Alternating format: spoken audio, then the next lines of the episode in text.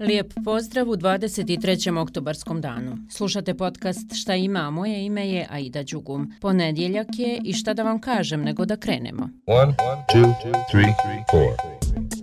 Kantonalni sud u Sarajevu zakazao je za danas statusnu konferenciju predmetu protiv bivšeg načelnika opštine Iliđa Senaida Memića, još pet zaposlenika ove institucije optuženi za zloupotrebu položaja ili oblaštenja, saznaje portal detektor.ba. Optužnica je potvrđena 21. jula, a Senaid Memić, koji je bivši ambasador Bosne i Hercegovine u Maleziji, uhapšen je u Sarajevu 11. maja. Pušten je iz pritvora 2. juna zbog narušenog zdravstvenog stanja. Memić se sumnjiči da je zloupotrijebio položaj načelnika prilikom davanja dozvola saudijskom investitoru Malag Group. Iz tužilaštva kantona Sarajevo su naveli da je Memić tokom mandata od 2013. do 2017. godine nezakonito izdao više dozvola u vezi izgradnje objekata investitora Panamera Malag Group te parking opštine Iliđa koji je dat na korištenje u gostiteljskom objektu Brajlović. Pored Memića, optužnica je potvrđena i za još pet poslanika opštine Iliđa Liđa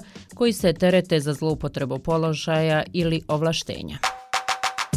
Vijeće sigurnosti Ujedinjenih nacija razmatraće novi redovni izvještaj o radu misije UN-a na Kosovu, a u Luksemburgu sastaju se šefovi diplomatija Evropske unije. A tokom ove posljednje sedmice oktobra, Evropski parlament održava sedmicu rodne ravnopravnosti. Na ovaj način se želi ženama omogućiti da budu u centru zakonodavstva. Od posljednjeg izdanja Evropske sedmice rodne ravnopravnosti usvojeni su važni zakoni žene u odborima, jednake plate kao i pristupanje Evropske unije Istanbulskoj konvenciji. Postoji napredak u ovoj oblasti politike, ali još mnogo toga treba učiniti. Stoga je tema fokusa ove godine rodna ravnopravnost šta dalje. Parlament i njegovi partneri će sagledati šta se do sada postiglo i šta treba da se uradi.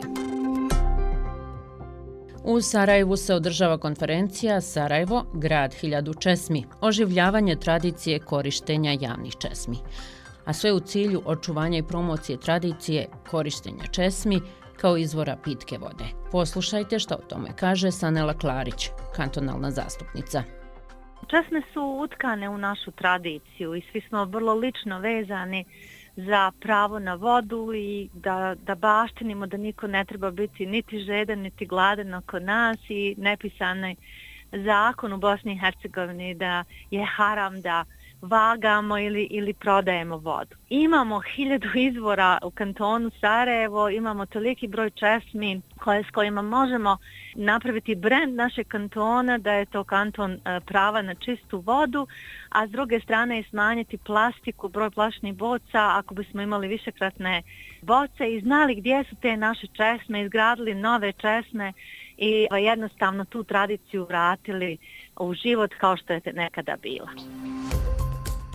Na konferenciji će biti predstavljeni dokument Mapa puta oživljavanja tradicije korištenja javnih česmi u gradu Sarajevu. E, tako da smo uspjeli izmapirati česme, napraviti lične karte za sve te česme kojima grad upravlja i neki desetak dodatnih, međutim saznali smo da je veliki broj česmi koje su potpuno uništene, a s druge strane nove koje se grade kao HR česme, planinske česme na našim planinama tako da treba to u stvari proširiti na kanton i naći načina kako da se u stvari jedna na, na, model, da li je to institucija ili fondacija, a s druge strane i model finansiranja, veliki broj građana se javlja koji bi rado izgradili česmu, dali novac za česmu, popravili česmu, da nađemo način kako da i, i financije ovaj, nađemo jer očito da ljudi žele da se vežu s tim, to je jedan sevap.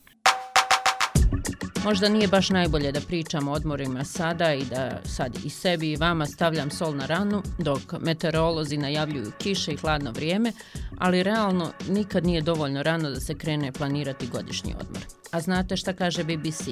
Nakon ovogodišnjih rekordnih temperatura tokom ljeta, sve više i više ljudi se u stvari odlučuje da plažu zamijeni zemljama kao što su Češka, Irska ili Danska. Jer su tokom ovog ljeta temperature zabilježene od 46 i 47 stepeni u nekim južnim zemljama, pa zato i nije čudo. Ipak, izvješta Evropske komisije za putovanja pokazalo je da su mediteranske zemlje i dalje najpopularnije odredište za evropljane od juna do novembra, no u poređenju sa prošlom godinom broj turista zainteresovanih za odlazak na Mediteran je pao za 10%.